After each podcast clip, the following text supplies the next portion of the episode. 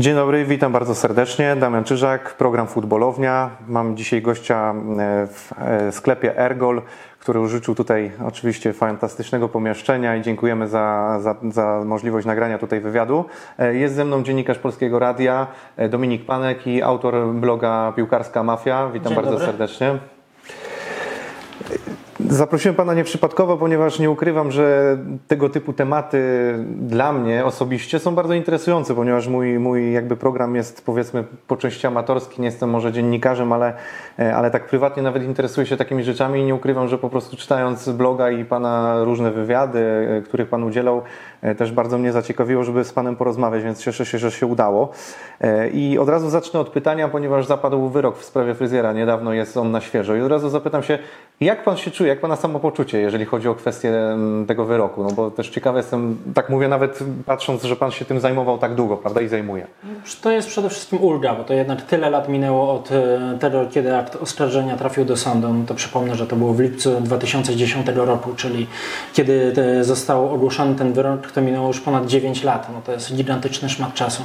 I e, przez ostatnie lata, kiedy ten proces się toczył, była irytacja, dlaczego tak długo to trwa, dlaczego te rozprawy są tak rzadko, dlaczego tak mało świadków jest wzywanych na przesłuchania. No i później rozpoczęły się te mowy końcowe. Te mowy końcowe rozpoczęły się na ponad rok przed e, ogłoszeniem wyroku. Zwykle to trwa około miesiąca powiedzmy. A tutaj ciągnęło się, to ciągnęło. Ci ludzie mówili, mówili, powtarzali. Te rozprawy były rzadko. Każdy z nas z niecierpliwością czekał, aż e, ten wyrok zostanie ogłoszony, no bo to jednak to jest ten najważniejszy wątek w tej sprawie. Najważniejszy, który miał e, pokazać, czy rzeczywiście w polskim futbolu istniała zorganizowana grupa przestępcza, która ustawiała mecze. Czy rzeczywiście było tak poważnie, jak pisała o tym prokuratura w akcie oskarżenia, czy jednak e, okaże się, że te dowody nie były takie pewne. I kiedy ten wyrok e, 16 grudnia ubiegłego roku został ogłoszony, muszę przyznać, że odczułem taką dużą ulgę, że wreszcie jest. Z ulgą przyjąłbym też, e, jeżeli byłyby to wyroki uni- uniewinniające, chociaż na pewno z dużym rozczarowaniem. Natomiast e, była ta ulga, że jest e, ten wyrok. Co prawda to jest jeszcze nieprawomocny. Czekamy teraz, kiedy powstanie pisemne uzasadnienie tego wyroku, a później rozprawa apelacyjna i wtedy ostatecznie dowiemy się, czy to rzeczywiście uprawomocni się ten wyrok, czy może będzie nowy proces. Ale teraz jest ulga i taka, taka radość, że to się wreszcie kończy. To też taka moja indywidualna, prywatna radość. No bo Właśnie o to się- też pytałem. Tak, Właśnie zajmuję, to- to- zajmuję to się mnie tym ciekawiło. tematem e, no, od 2004 roku. No to jest, e, to jest e, 16 lat. Prawda? Część Pana życia, no tak, no, I to duża część. No, to jest połowa mojego życia zawodowego jakby. Od, e, dziennikarzem jestem od 30 lat.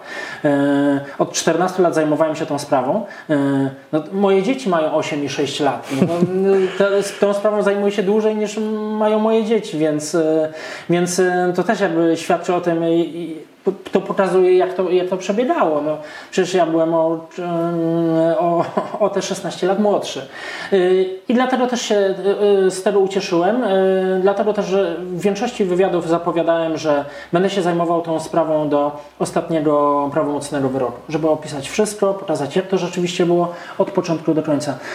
Jeżeli czyta Pan te wywiady, czyta artykuły w mediach, to widzi Pan, że dziennikarze sportowi zajmują się tym raczej pobieżnie. O, tam, od To będzie moje następne. Pytanie, bo właśnie Tak. chciałem zapytać, y, nawiązując trochę do tego, co Pan powiedział, ponieważ moim drugim pytaniem jest y, dotyczące tych właśnie emocji związanych w ogóle z tym tematem, bo ponieważ tak, no tak jak Pan wspomniał, y, temat w ogóle tych wszystkich procesów 2004 rok, prawda? E, Więc minęło szmat czasu naprawdę od tego momentu. Dzisiaj w ogóle jesteśmy w zupełnie innej rzeczywistości piłkarskiej, całego środowiska. E, powiedzmy, że zakładam, że jeszcze gdzieś coś pewnie jest, ale to jest marginalny tak naprawdę problem. E, I Zastanawiam się właśnie kwestię tych emocji, że dzisiaj troszeczkę wielu ludzi to mało emocjonuje, zwłaszcza tych, którzy są młodymi e, takimi kibicami, fanami piłki nożnej i oni w ogóle, myślę, że w ogóle nawet nie wiedzą do końca, co to było i tak zastanawiam się właśnie z tymi emocjami dotyczącymi tematu. Tak, właśnie to tak jest, że ci ludzie teraz, to było świetnie widać na przykładzie tej e, ostatniej historii z e, wyrokiem dotyczącym Krakowi, że większość kibiców Krakowi nie wiedziała, że w ogóle taka sprawa była. No właśnie. Dlatego ten proces nie był zbytnio relacjonowany tam w Małopolsce, więc e, oni nie za bardzo się dowiadywali. Ja też na blogu za dużo o tym nie pisałem z racji tego, że proces był w Krakowie, więc no, nie za bardzo mogłem tam jeździć z Warszawy. I nagle się okazuje, że tu w styczniu jest wyrok, że Krakowia miała ustawić, e, przynajmniej miało być ustawionych 18 meczów Krakowi, tak? No to jest gigantyczna liczba, no, że są jakieś dwie osoby, które miały to ustawiać. No i nagle się okazuje, że to nie jest tak, jak przynajmniej ci, którzy wiedzieli, że ten proces jest tak, myśleli, że tam nikogo z Krakowi nie ma, a nagle okazuje się, że jeden z oskarżonych był w tym czasie członkiem Rady Nadzorczej. No to, to jest nagle taki szok.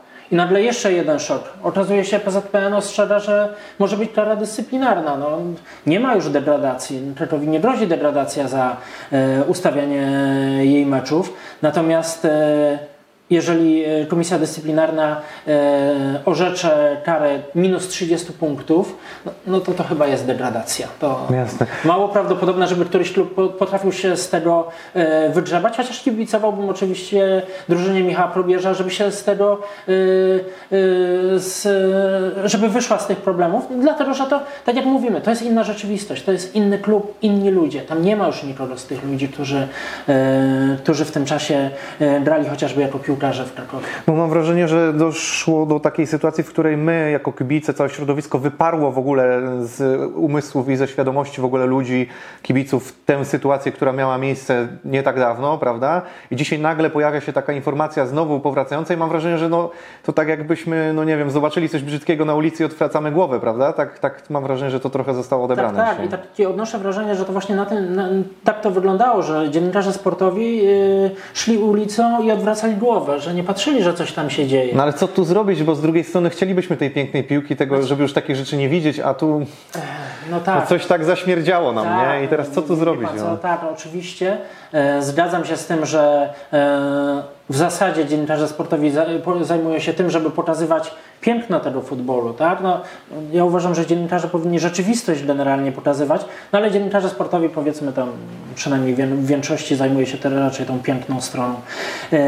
Ale jeżeli jest proces, w którym e, Oskarżonych jest pięciu reprezentantów e, byłych i obecnych Polski i na ten proces nie przyjeżdża niemal żaden dziennikarz sportowy, no to coś jest chyba nie tak.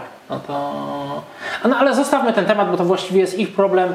E, Ja Znaczy, na swoim blogu się tym zajmowałem. Wie pan co, więc, panie Dominiku, no, możemy zostawić, ale z drugiej strony mnie właśnie to dosyć mocno interesuje, ponieważ wydaje mi się, że e, owszem, dziennikarze sportowi możliwe, że mają też za zadanie pokazywać piękno futbolu i ich zadania nie są koniecznie kwestia takich śledczych rzeczy i, i gdzieś tam spraw dla powiedzmy policji, sądów i tak dalej, prokuratury, ale z drugiej strony, tak jak pan zwrócił uwagę, są tutaj tematy, które można, którymi można było się e, zainteresować.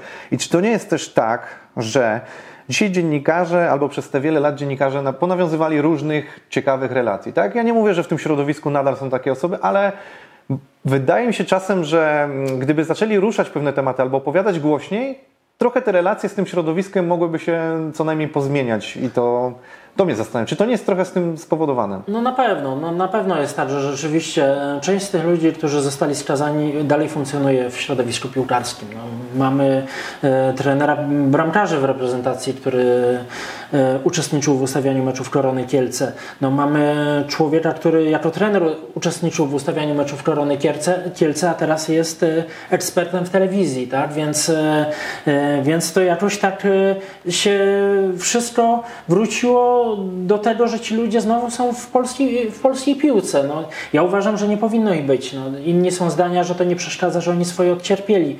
No ale pytanie jest teraz, czy jeżeli pojawi się następna afera korupcyjna, oby nie, ale jeżeli się pojawi, no to co, co w takim razie wtedy przeważy? Ta chęć, żeby e, dalej pokazywać piękno polskiego futbolu, czy żeby pokazać rzeczywistość?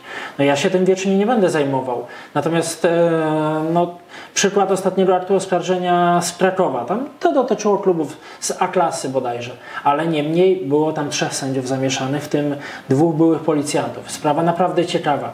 No jakiegoś wielkiego rozgłosu wokół tej sprawy nie było. A może warto. Ale bo- ma Pan jakąś swoją teorię co do kwestii, czemu dziennikarze sportowi nie, no może nie tyle, że nie chcą, ale no jakby no nie, nie, nie interesują się tak mocno tym tematem. To, to oni tłumaczą to, że to nie interesuje ich czytelników, widzów, słuchaczy. Ja przyjmuję te argumenty. No tak, no bo taka jest prawda. Dzisiaj to, to nie byłby pewnie temat, który jest przede wszystkim klikalny, tak? Tak, tak. Ja uważam, że y, jeżeli chcą to tak tłumaczyć, okej, E, natomiast e, wydaje mi się, że każdy temat, jeżeli opisze się ciekawie, jeżeli dotrze się do informacji, których nie ma gdzie indziej, no to wtedy może zaciekawić e, czytelników. No oczywiście, jeżeli ktoś ograniczy swoją pracę do tego, że otworzy mojego bloga, przeczyta artykuł, spisze, powoła się i w ten sposób powstanie artykuł, no to to nie będzie A tak bywało najczęściej. No, no tak, dlatego że no to jest wiarygodne źródło informacji.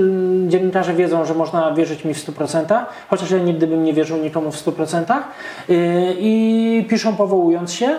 Mnie to cieszy, owszem, jeżeli się powołują, irytuje i strasznie denerwuje wtedy, kiedy już teraz bardzo rzadko pojawiają się osoby, które się nie powołują, a nie zmienią nawet kolejności czy szyku zdania, y, więc, y, więc no właśnie, bo to jest tak. Jeżeli powstanie taki artykuł, który powstał na, na, podstawie mojego artykułu, ja jestem zaangażowany zawodowo i rodzinnie w e, dosyć dużym stopniu, więc mam mało czasu na blog. No, ale taki dziennikarz sportowy, który bierze za to pieniądze, e, to ma możliwość, żeby dotrzeć gdzieś dalej, zdobyć komentarz czyjś, porozmawiać z kimś. No tak jak była sytuacja z tym e, artykułem dotyczącym Stali Mielec, że był wywiad w przeglądzie sportowym z trenerem Stali Mielec, z którego można było luźno wywnioskować, że być może jacyś piłkarze e, Stali Mielec uczestniczyli w obstawianiu meczów, a może jacyś jej znajomi albo rodziny. Tak tak można było wysnuć. Rzecznik z, z, tego e, wywiadu. Rzecznik dyscyplinarny wszczął postępowanie sprawdzające w tej sprawie, no ale przez jakiś czas, ja, ja, o tym napisałem, ale przez jakiś czas nikt nie zadał pytania władzom Stali Mielec, jaka jest ich reakcja na to postępowanie. No przecież to jest dosyć istotne. No i dopiero później pojawił się chyba po dwóch tygodniach właśnie taki komentarz. Ale czemu następnego dnia od razu, albo tego samego dnia nikt nie zapytał? Przecież Stal Mielec ma swoich kibiców, jest to klub, który aspiruje E, do ekstraklasy, no, warto było od razu o to zapytać. Myślę, że czytelnicy byliby tym zainteresowani. A tak to byli tylko e, jakby tutaj zdani na materiał na, w moim blogu i pytania, a skąd on wie, a dlaczego teraz o tym napisał, a po co? a nikt się nie zastanowi, żeby jednak Stal Mielec, która jest najbardziej zainteresowana, bo grożą jej konsekwencje, żeby wypowiedziała się w tej sprawie. Hmm. No bo zauważam jakby tutaj ostatnio też Szymon Jadczak, który powiedzmy też e, zajmuje się podobną działką, faktycznie e, pan uruchomił tą kwestię działania wokół e, korupcji Szymon Jadczak wokół Wisły Kraków, całego zamieszania takich gangsterskich porachunków powiedzmy sobie. Chociaż fakt faktem, że przy tej Wiśle i przy tej całej sprawie mimo wszystko dziennikarze zajmowali się po części na pewno tą sprawą, tak jak z tego co zauważyłem to faktycznie, ale jakby największe zaangażowanie było z jego strony, więc tak no tak, no Szymon Jaczak, no, moim zdaniem, może to są zbyt, e, zbyt duże słowa, ale moim zdaniem e, Szymon Jaczak jest jakby bohaterem w tej historii, dlatego że e, on ryzykował naprawdę swoim zdrowiem i swoim bezpieczeństwem. No to jest, zadarł z ludźmi, którzy są naprawdę groźni. I on jakby pokazał całość e, tego procederu, który w Wiśle przebiegał. Dzięki niemu udało się z tego jakby Wisłę w jakiś sposób wyciągnąć. I on był narażony na masę hejtu ze strony kibiców, że kłamie, że nieprawda, że TVN, no tak, że to tak, jest tak. tak, że po co, że wiadomo. No i a on został z tym sam, tak? No, wszyscy mm, napisali o tym, że jaki on jest super i jak to świetnie pokazał. Napisali materiały na ten temat, powołując się na jego artykuły, a później opisali książkę. No, ale on teraz jest z tym tematem sam, tak? No, czy ktoś to ciągnie dalej, czy ktoś się tym interesuje, czy ktoś sprawdza, czy no, tak e, kibice nie próbują e, wrócić z powrotem do Wisły? No ja przynajmniej nie obserwuję takich, e, takich, e, takich e, prób opisania tego i dlatego uważam, że tacy ludzie jak Szymon Jadczak to naprawdę to jest elita polskiego dziennikarstwa. Nie mówię sportowego, bo Szymon nie jest dziennikarzem sportowym, ale naprawdę takim ludziom właśnie, takich ludzi należy doceniać, bo oni zmieniają rzeczywistość. To tak jak było z, przepraszam bardzo, nie pamiętam nazwisko, nazwiska Marka, nie chcę go przekręcić, dziennikarza przeglądu sportowego, który opisał aferę w Polskim Związku Kolarskim. Przecież to też był artykuł, który naprawdę zmienił rzeczywistość. Opisał kolarki, które były molestowane przez trenera. No to jest, to, to jest właśnie sól dziennikarstwa. Hmm. Na tym polega dziennikarstwo. No ale pan może się ustawić w tym szeregu również, no, uważam. Tak, ja mogę się ustawić w tym szeregu oczywiście, ale wolę mówić o innych. Nie, no rozumiem. Wolę innych niż siebie, bo... Dżentelmeńsko i, tak, i elegancko, jak jasne, zrozumiałe. Ktoś pochwali, więc ja, ja, ja, ja tu jakby... To panie Dominiku właśnie, bo wiele osób pana pytało o to, o czym opowiedział pan o, o, o Szymonie Czaku, że zderzał się z pogróżkami i pana pytano też o różne pogróżki i tak dalej, ale to ja zapytam e, przewrotnie.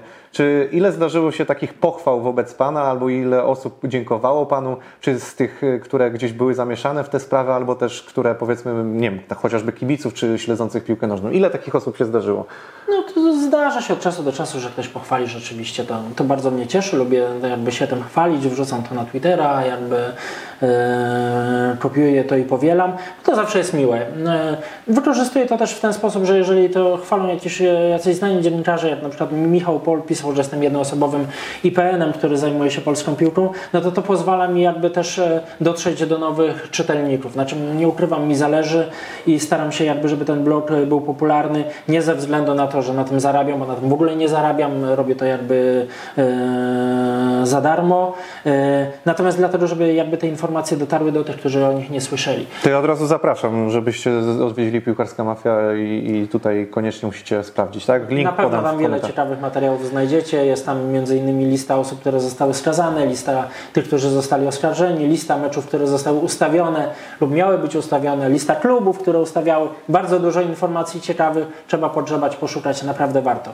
I same fakty. Tak, fakty i nie znajdziecie tam nazwisk, więc musicie być później e, e, konsekwentni jakby w e, poszukiwaniach, żeby się dowiedzieć, kto jest kim. Chociaż te znane nazwiska, niektóre, które zostały też uniewinnione, a były gdzieś w, to zamieszane tak, niektóre są, nazwiska prawda? się pojawiają, tak, jeżeli Piotr Rejs zgodził się na to, żeby jego nazwisko się pojawiało, to rzeczywiście e, ja go e, używałem, no natomiast jest wiele osób znanych, które tam występują No, oczywiście. tylko z inicjałów i, i tak zapewne pozostanie. To jest jasne. A tak dla przypomnienia, bo wiem, że no to jest standard, o który Pana pytano. e, Może Pan trochę przybliżyć tak dla, dla moich widzów, że tak powiem, trochę tę historię, z, z czego wynikło, że Pan się tym zajął i w ogóle nie musi być oczywiście z pełnymi szczegółami, ale może jest coś, co jeszcze Pan nie opowiedział w tej kwestii, bo To sprawa jakby rozpoczęła się w 2004 roku, kiedy pracowałem jeszcze w Radiu Wrocław. Dowiedziałem się wtedy, że e, we wrocławskiej prokuraturze zostaje wszczęte śledztwo dotyczące ustawiania meczów przez Polar Wrocław. E,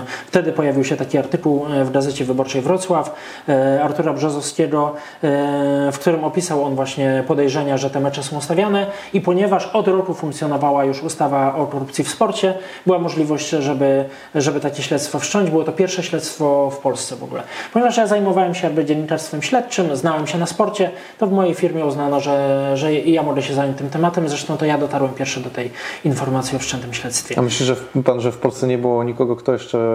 Czy Pan po prostu dostał taką insiderską trochę informację i, i poruszył tym tropem? No, y, e, Albo nie, nie był może ktoś, kto Panu powiedział, wie Pan co, to ja się tym zajmuję, nie? Coś. E, Nie, ale, ale było tak, rzeczywiście znajoma z prokuratury, która to, e, która to prokuratura prowadziła, powiedziała mi, że jej szef wszczął takie śledztwo, więc... e, Ciekawy jestem, czy niektórzy nie odetchnęli wtedy i powiedzieli, a niech Dominik to weźmie i już mamy spokój, przynajmniej No, jedna osoba.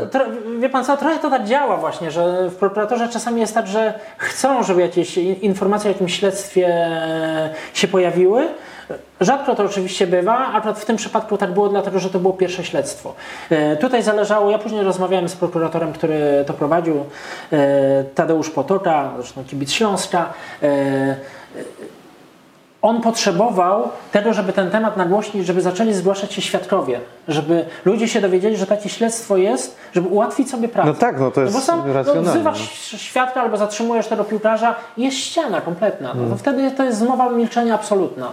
Tak później jeden z, z, z sędziów e, opowiadał e, w prokuraturze, że on jest zdumiony, że prokuratorzy doszli do tych informacji, że on sobie tego nie wyobrażał, bo oni byli jak rodzina, że rodziny się nie zdradza.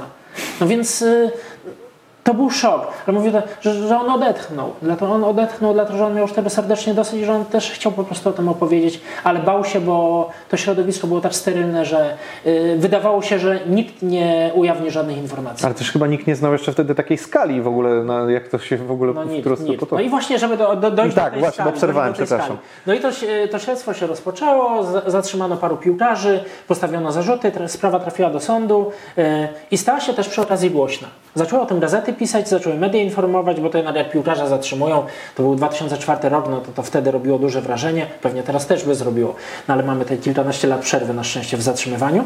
I... Mm, Pewnego dnia do, nikt o tym nie wiedział, do Komendy Wojewódzkiej Policji we Wrocławiu, to było w maju 2005 roku, zgłosił się pan, pan Piotr D.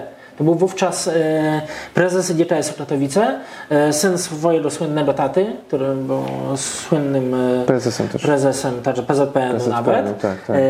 I opowiedział, że on ma serdecznie dosyć tego, co się dzieje i że on chce po prostu opowiedzieć o tej korupcji.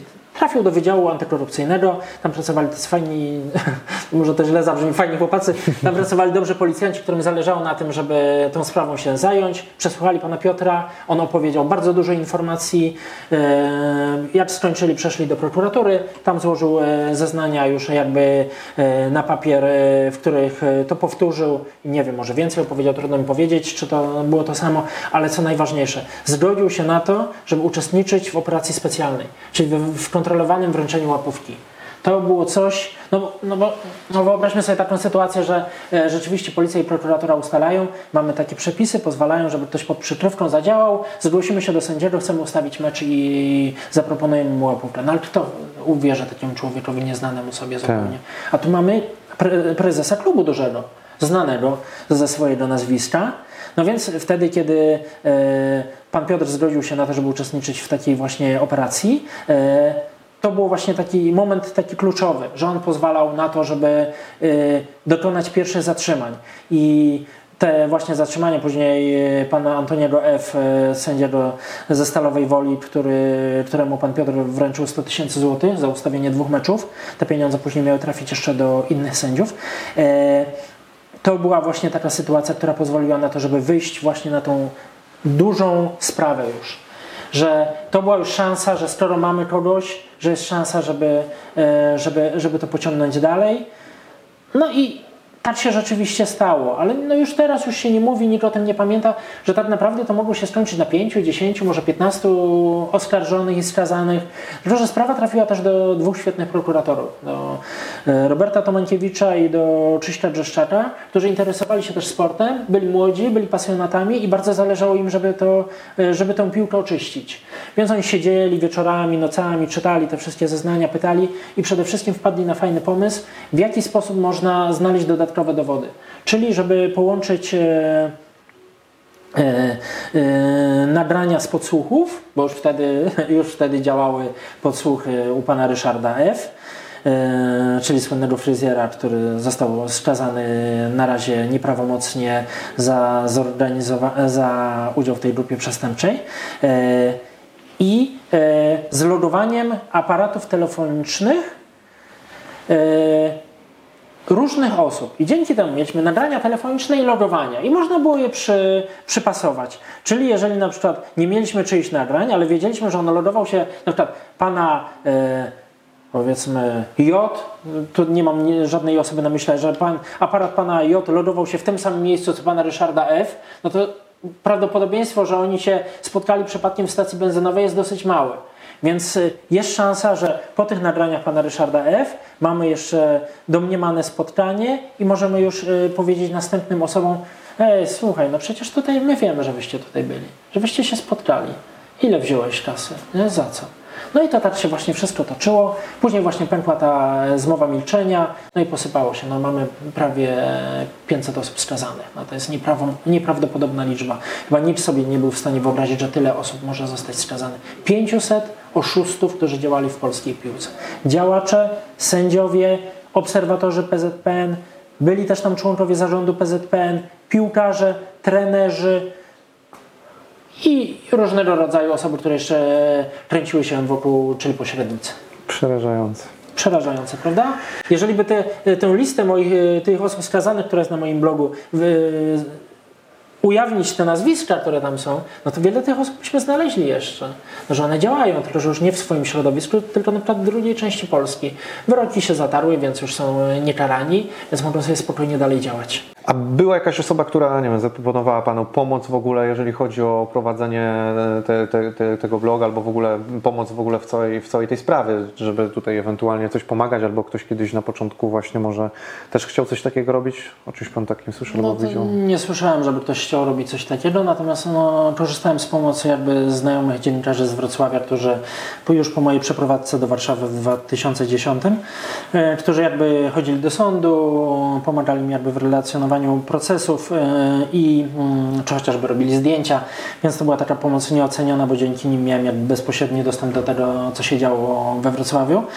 Na początku jeszcze sam jeździłem, no później już jakby obowiązki zawodowe i rodzinne nie pozwoliły mi na to, żeby, żeby być wszędzie. No i, i to, to, to pomoc była bardzo cenna, bardzo ją doceniam, do tej pory jestem wdzięczny tym osobom.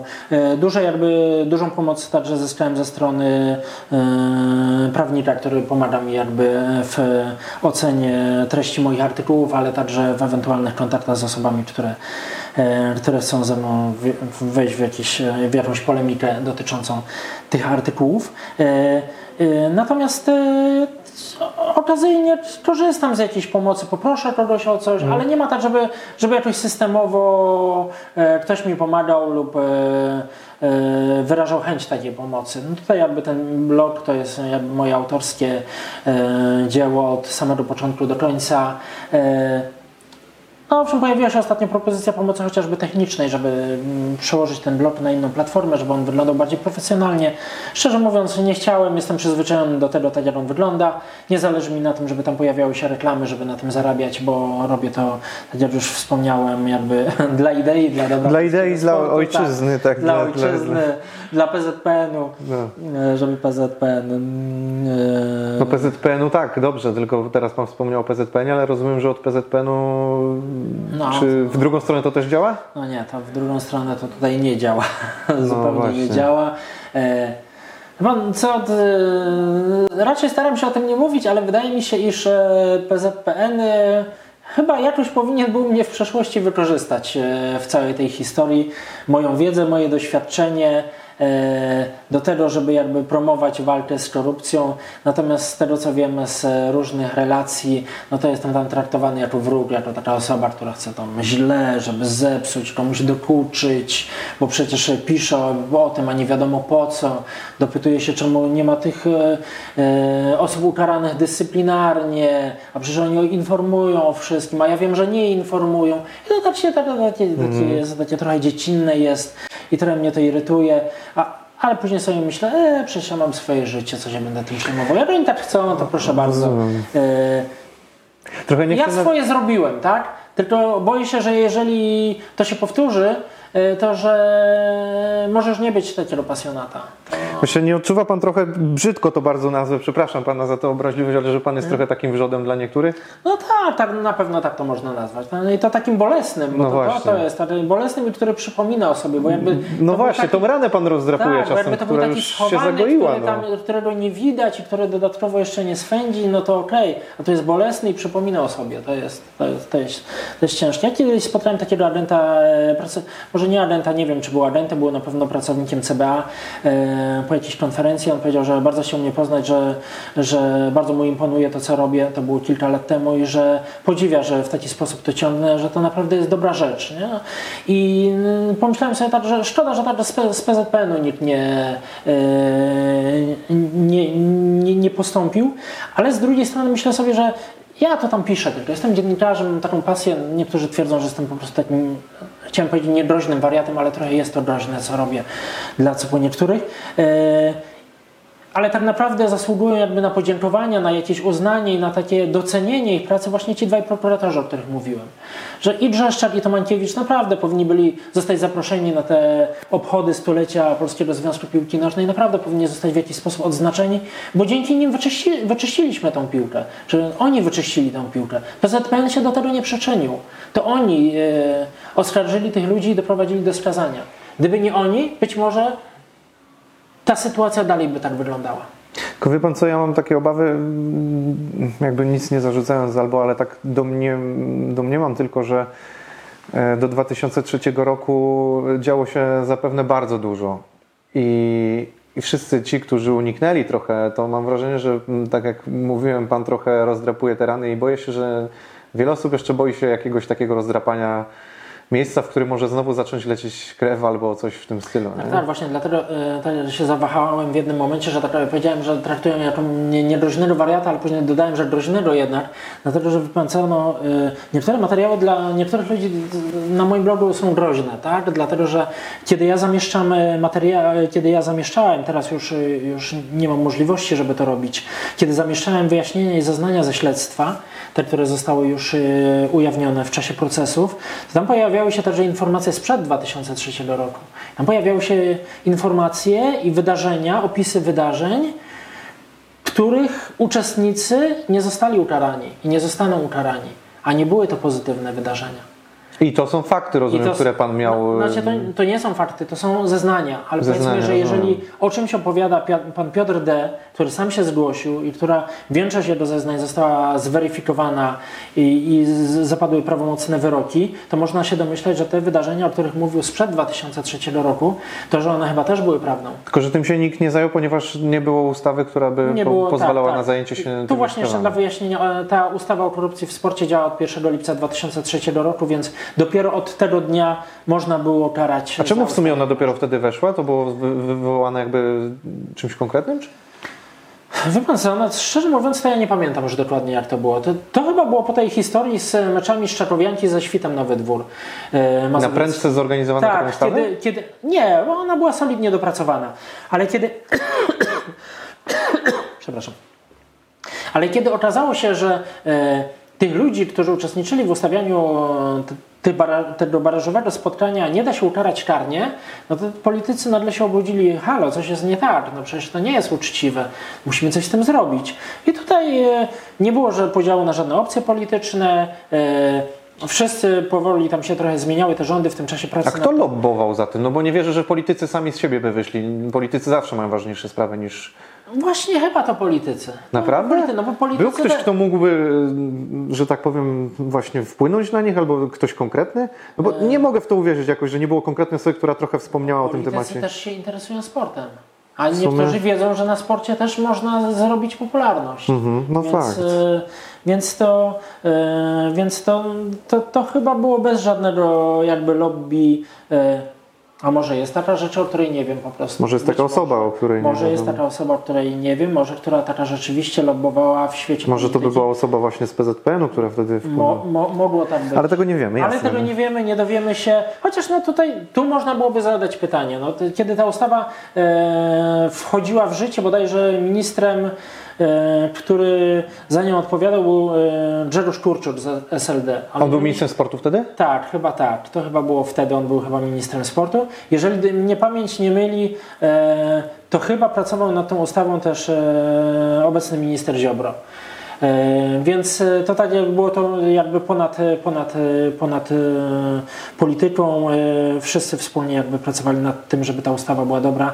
No i, i mnie to cieszy. No, e, Bardzo mnie to cieszy. Jakie by nie były jakby tutaj e, oddolne działania, jakie by nie były kulisy tego wszystkiego, powstało coś dobrego, co przyniosło pozytywną, pozytywny efekt. Ile jest takich informacji, właśnie nawiązując do tego, o czym rozmawiamy, o których Pan jakby wie, słyszał? Bo zakładam, że też jako Pan dziennikarz śledczy dostaje pewnie różnego rodzaju niepotwierdzone informacje z różnych y, źródeł, które zapewne no, musiałby Pan potwierdzić, żeby je ogłosić oficjalnie, ale zakładam, że Pan wie o wielu osobach e, i o wielu rzeczach, o których nie może Pan głośno powiedzieć, ale zakładam, że takich dużo jest, tak?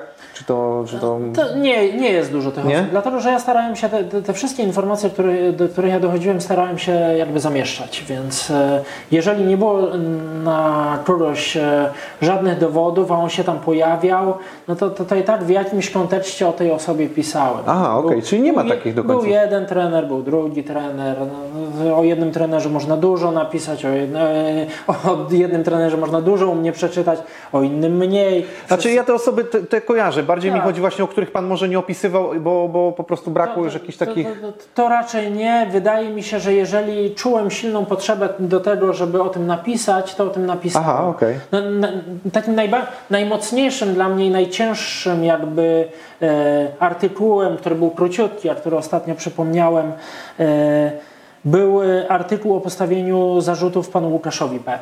Jakby nie miałem tego e, możliwości potwierdzić oficjalnie w żadnym źródle. Mhm. Dlatego, że pan Łukasz razem ze swoimi kolegami z Zagłębia Lubin zgłosili się sami do prokuratury, do prokuratury więc prokuratura zgodnie ze swoimi obietnicami nie ujawniała żadnych informacji na temat tych osób, które się zgłosiły. No więc nie mogłem u nich potwierdzić. Nie mogłem w innym źródle potwierdzić, ale wiedziałem, że jakiś przez grzeczność nie będę się wyrażał, nierozsądny, jeden z tych, którzy się zgłosili do prokuratury, nierozsądnie chodził po mieście i opowiadał o tym.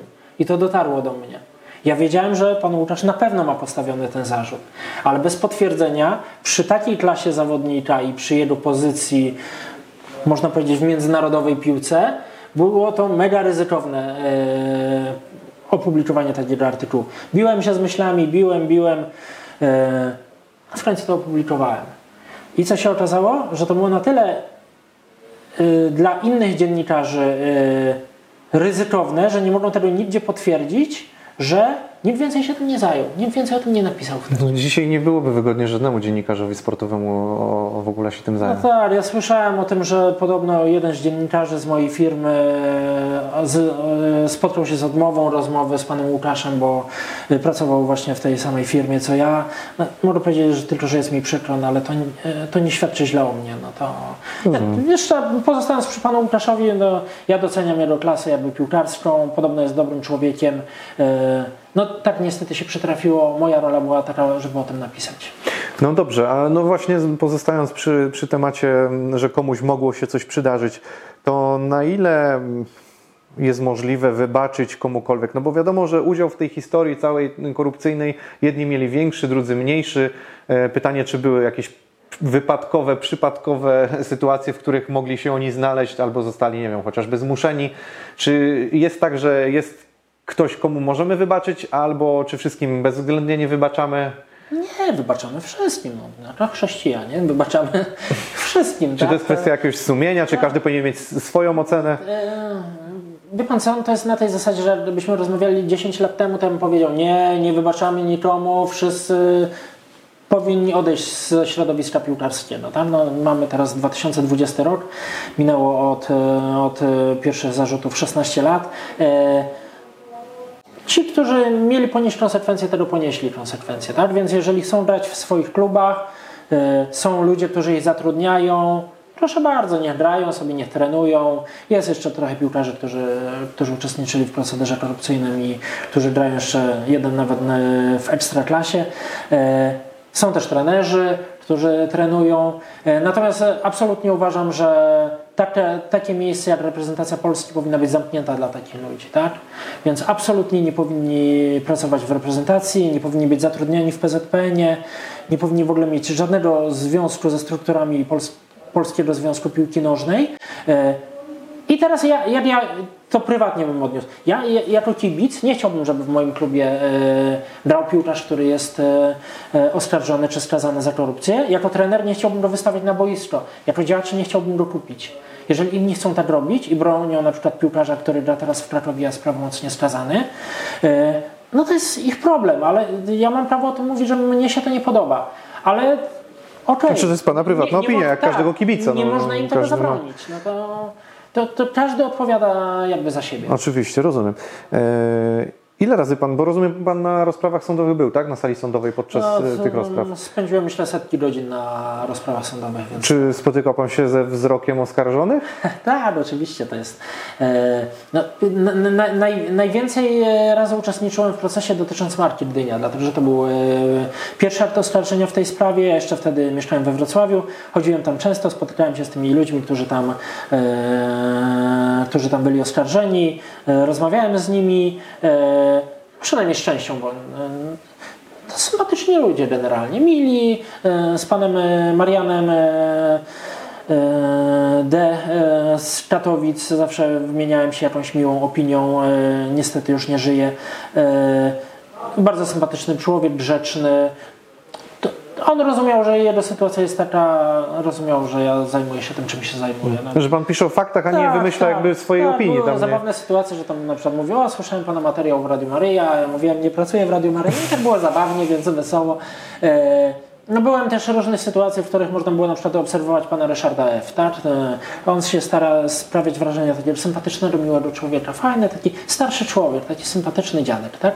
Teraz już dziadek, no bo jakby e, w wieku się już e, mocno posunął, ale wtedy, kiedy trzeba, to naprawdę mm, pokazuje pazury. Miałem okazję widzieć e, jego rozmowę z Antkiem Burgajskim z przeglądu sportowego i słów, których używał e, słuchać. Zresztą miałem to nagranie, zrobiło ono kiedyś popularność e, w internecie, w którym dosyć mocnych wulgaryzmów używał. A jest to nagranie z czegoś? Nie wiem, czy jeszcze jest gdzieś. Ono było na stronie Radia Wrocław i ter, trudno mi powiedzieć, czy ono jest. Kurczę, szkoda. Wiem, kiedyś TVN24 je wykorzystał, oczywiście wy- wypikując, ale i to, to, takie właśnie były kontakty. Później już e, znacznie rzadziej się spotykałem, e, a nawet jak już e, się spotykałem na sali, to już nie rozmawialiśmy. Wszyscy już wiedzieli, kto ja jestem i, i, tak, tak, tak, A tak. fryzjer jakoś reagował na pana alergicznie albo coś w tym stylu? Nie, Nie. nie, nie, nie, Myślę, myślę, że. Znaczy, co do fryzjera, to trudno mi y, się domyślać, jakie są jego odczucia wobec mnie. No myślę, że na pewno y, nie są, nie są jakby miłe, natomiast no ja jakoś mu szczególnie nie, nie, nie zaszkodziłem, jakby. No to jest. Ja opisywałem tylko fakty dotyczące jego osoby. To, to, to, to, to myślę, że on nie, nie powinien mieć do, nie, do mnie jakichś zbytnie pretensji. No myślę, że mogą mieć pretensje na przykład osoby, które straciły pracę, dlatego że opisałem, że zostały skazane, one pracowały na przykład w miejscu dosyć e, istotnym, tak? Więc e, jeżeli ktoś jest prawomocnie skazany, to nie może pracować e, w Centralnym Ośrodku Sportowym jako dyrektor. No, Jasne. To jest e, nie podlegający ministerstwu. To, to, to chyba nie byłoby w porządku. Natomiast jest wiele osób, które jakby korzystało z tego, że ja taki blog prowadzę i e, zamieszczałem informacje, które chciały, żeby się pojawiły. Czyli na przykład jeżeli e, jakaś osoba, jakiś sędzia został zatrzymany, złożył zażalenie na e, postanowienie o zatrzymaniu, sąd przyznał mu rację, to ja dostawałem taką informację, że jest taka decyzja sądu i anonimowo, nie wiadomo od kogo, ale dostawałem e, i e, po potwierdzeniu jej zamieszczałem. Było to korzystne dla tej osoby, bo dzięki temu ludzie mogli się dowiedzieć, że jego zatrzymanie było nie, mm, nie powinno dojść do jego zatrzymania, do samego faktu zatrzymania, bo oczywiście powinien być wezwany. Natomiast ja miałem jakiś materiał, który mogłem e, przedstawić ludziom, jakiś szerszy e, aspekt tej afery. Bo są rzeczy oczywiście, do których trudno jest dotrzeć, które jakby dzieją się poza moją wiedzą. Ostatnio z Andrzejem Grajewskim też przeprowadzałem wywiad i z tego co widziałem, to pan też zamieścił informację o jego chyba e, kwestii bezpodstawnego zatrzymania, tak? To było E, o- tymczasowego aresztowania. tymczasowego aresztowania i tam zwrot e, pieniędzy. Tak, no i właśnie to jest ciekawa sprawa. Widzi pan. Pan Andrzej został zatrzymany, tak? E, usłyszał zarzuty, był wniosek o tymczasowy areszt, posiedzenie sądu, masa dziennikarzy, wszyscy o tym pisali, tak?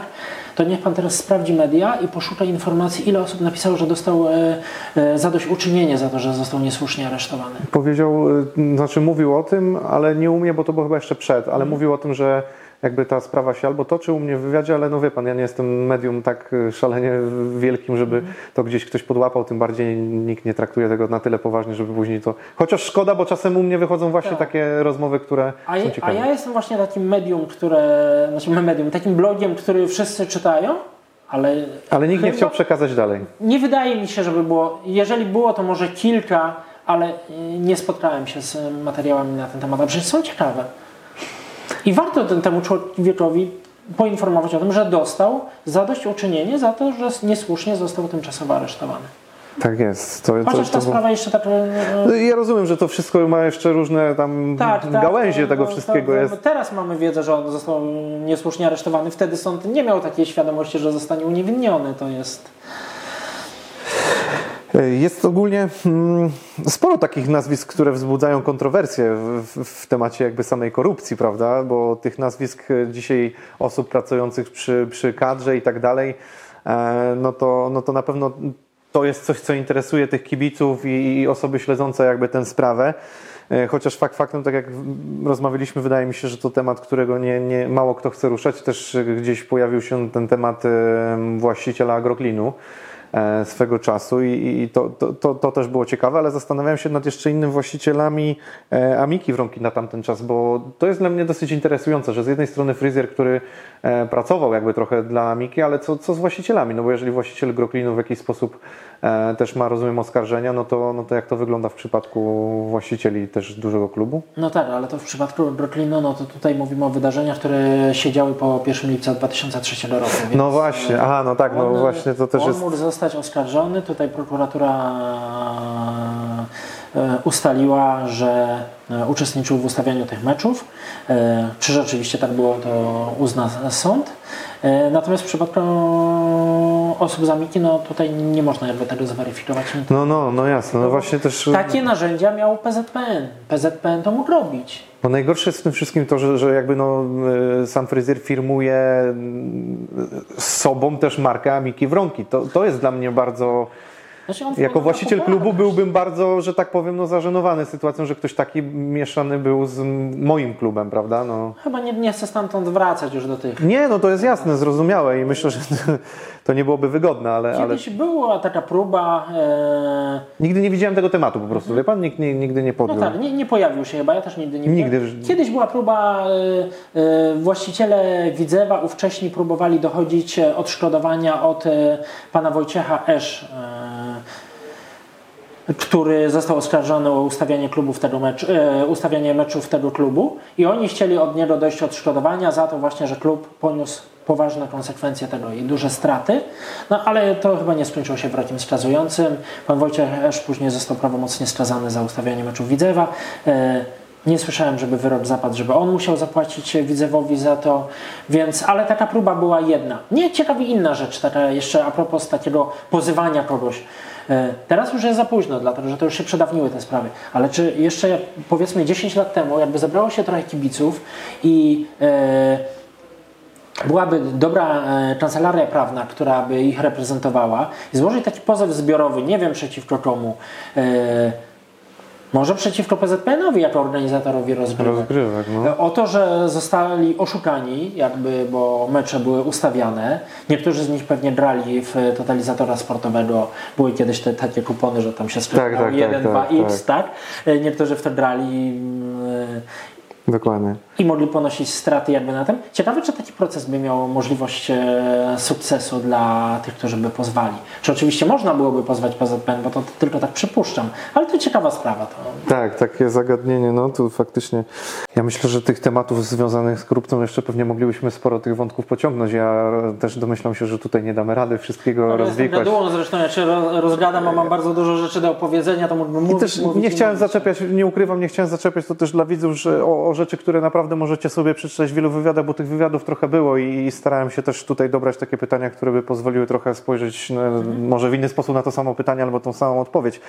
Yy, Wracając trochę do dzisiejszych czasów, to jeszcze zapytam, oczywiście mm, to jest pytanie, które jest tylko takim przypuszczeniem, jak to Pan ocenia na dzień dzisiejszy, jeżeli chodzi o w ogóle jakiekolwiek zagrożenia dotyczące korupcji, e, czy, czy w ogóle patrząc na to, jak Pan dzisiaj ogląda tę piłkę i faktycznie widzi jeszcze niektóre twarze, jak, jak, jak Pan dzisiaj, Pana odczucia są?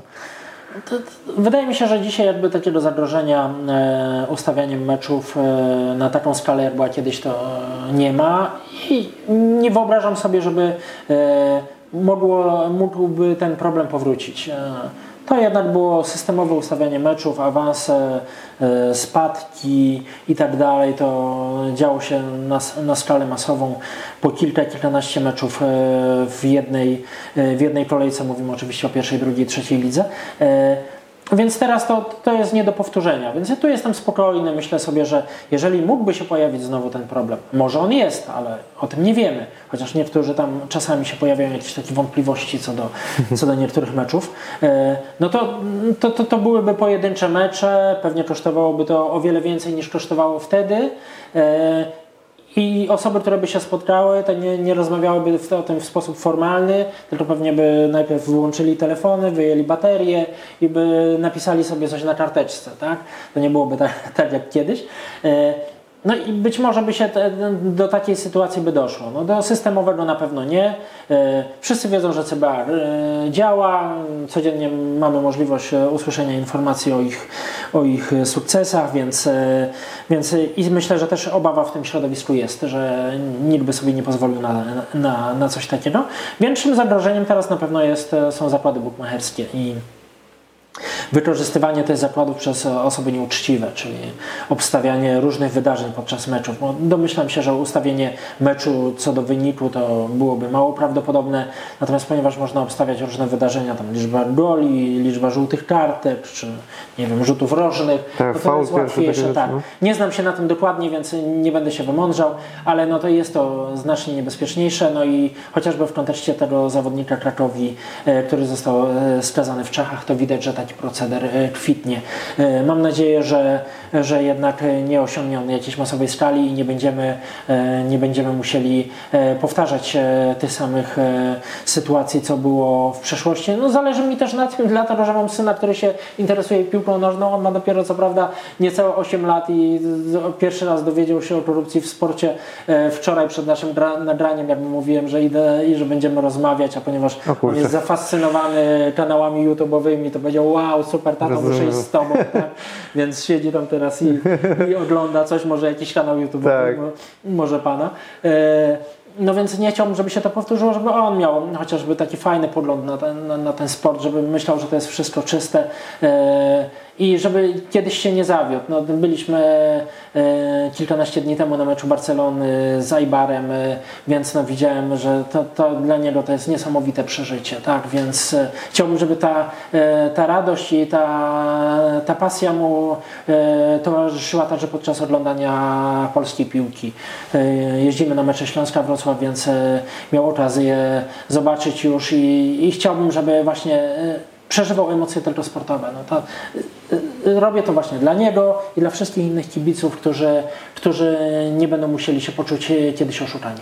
No, bardzo dziękujemy. Dziękuję bardzo. Ale nie ukrywam, że wie pan co, tak przygotowując się do tego, nie wiem czemu i nie wiem jakim sposobem, ale wyobraża pan sobie, że ja może to wyparłem tak samo, myśląc i rozmawiając, znając temat korupcji, ja sobie teraz zdaję sprawę, bo jestem w takim wieku, że nie ukrywam, że ten okres, w którym korupcja w jakiś sposób hulała najbardziej, tak to nazywając, to, to ja tak naprawdę oglądałem te wszystkie mecze, no bo powiedzmy, że zacząłem tak najbardziej interesować się piłką w 97, 97 rok, później te lata właśnie 2000, no to byłem tak chyba najbardziej świadomy tych wszystkich w ogóle meczów, już najbardziej zainteresowany.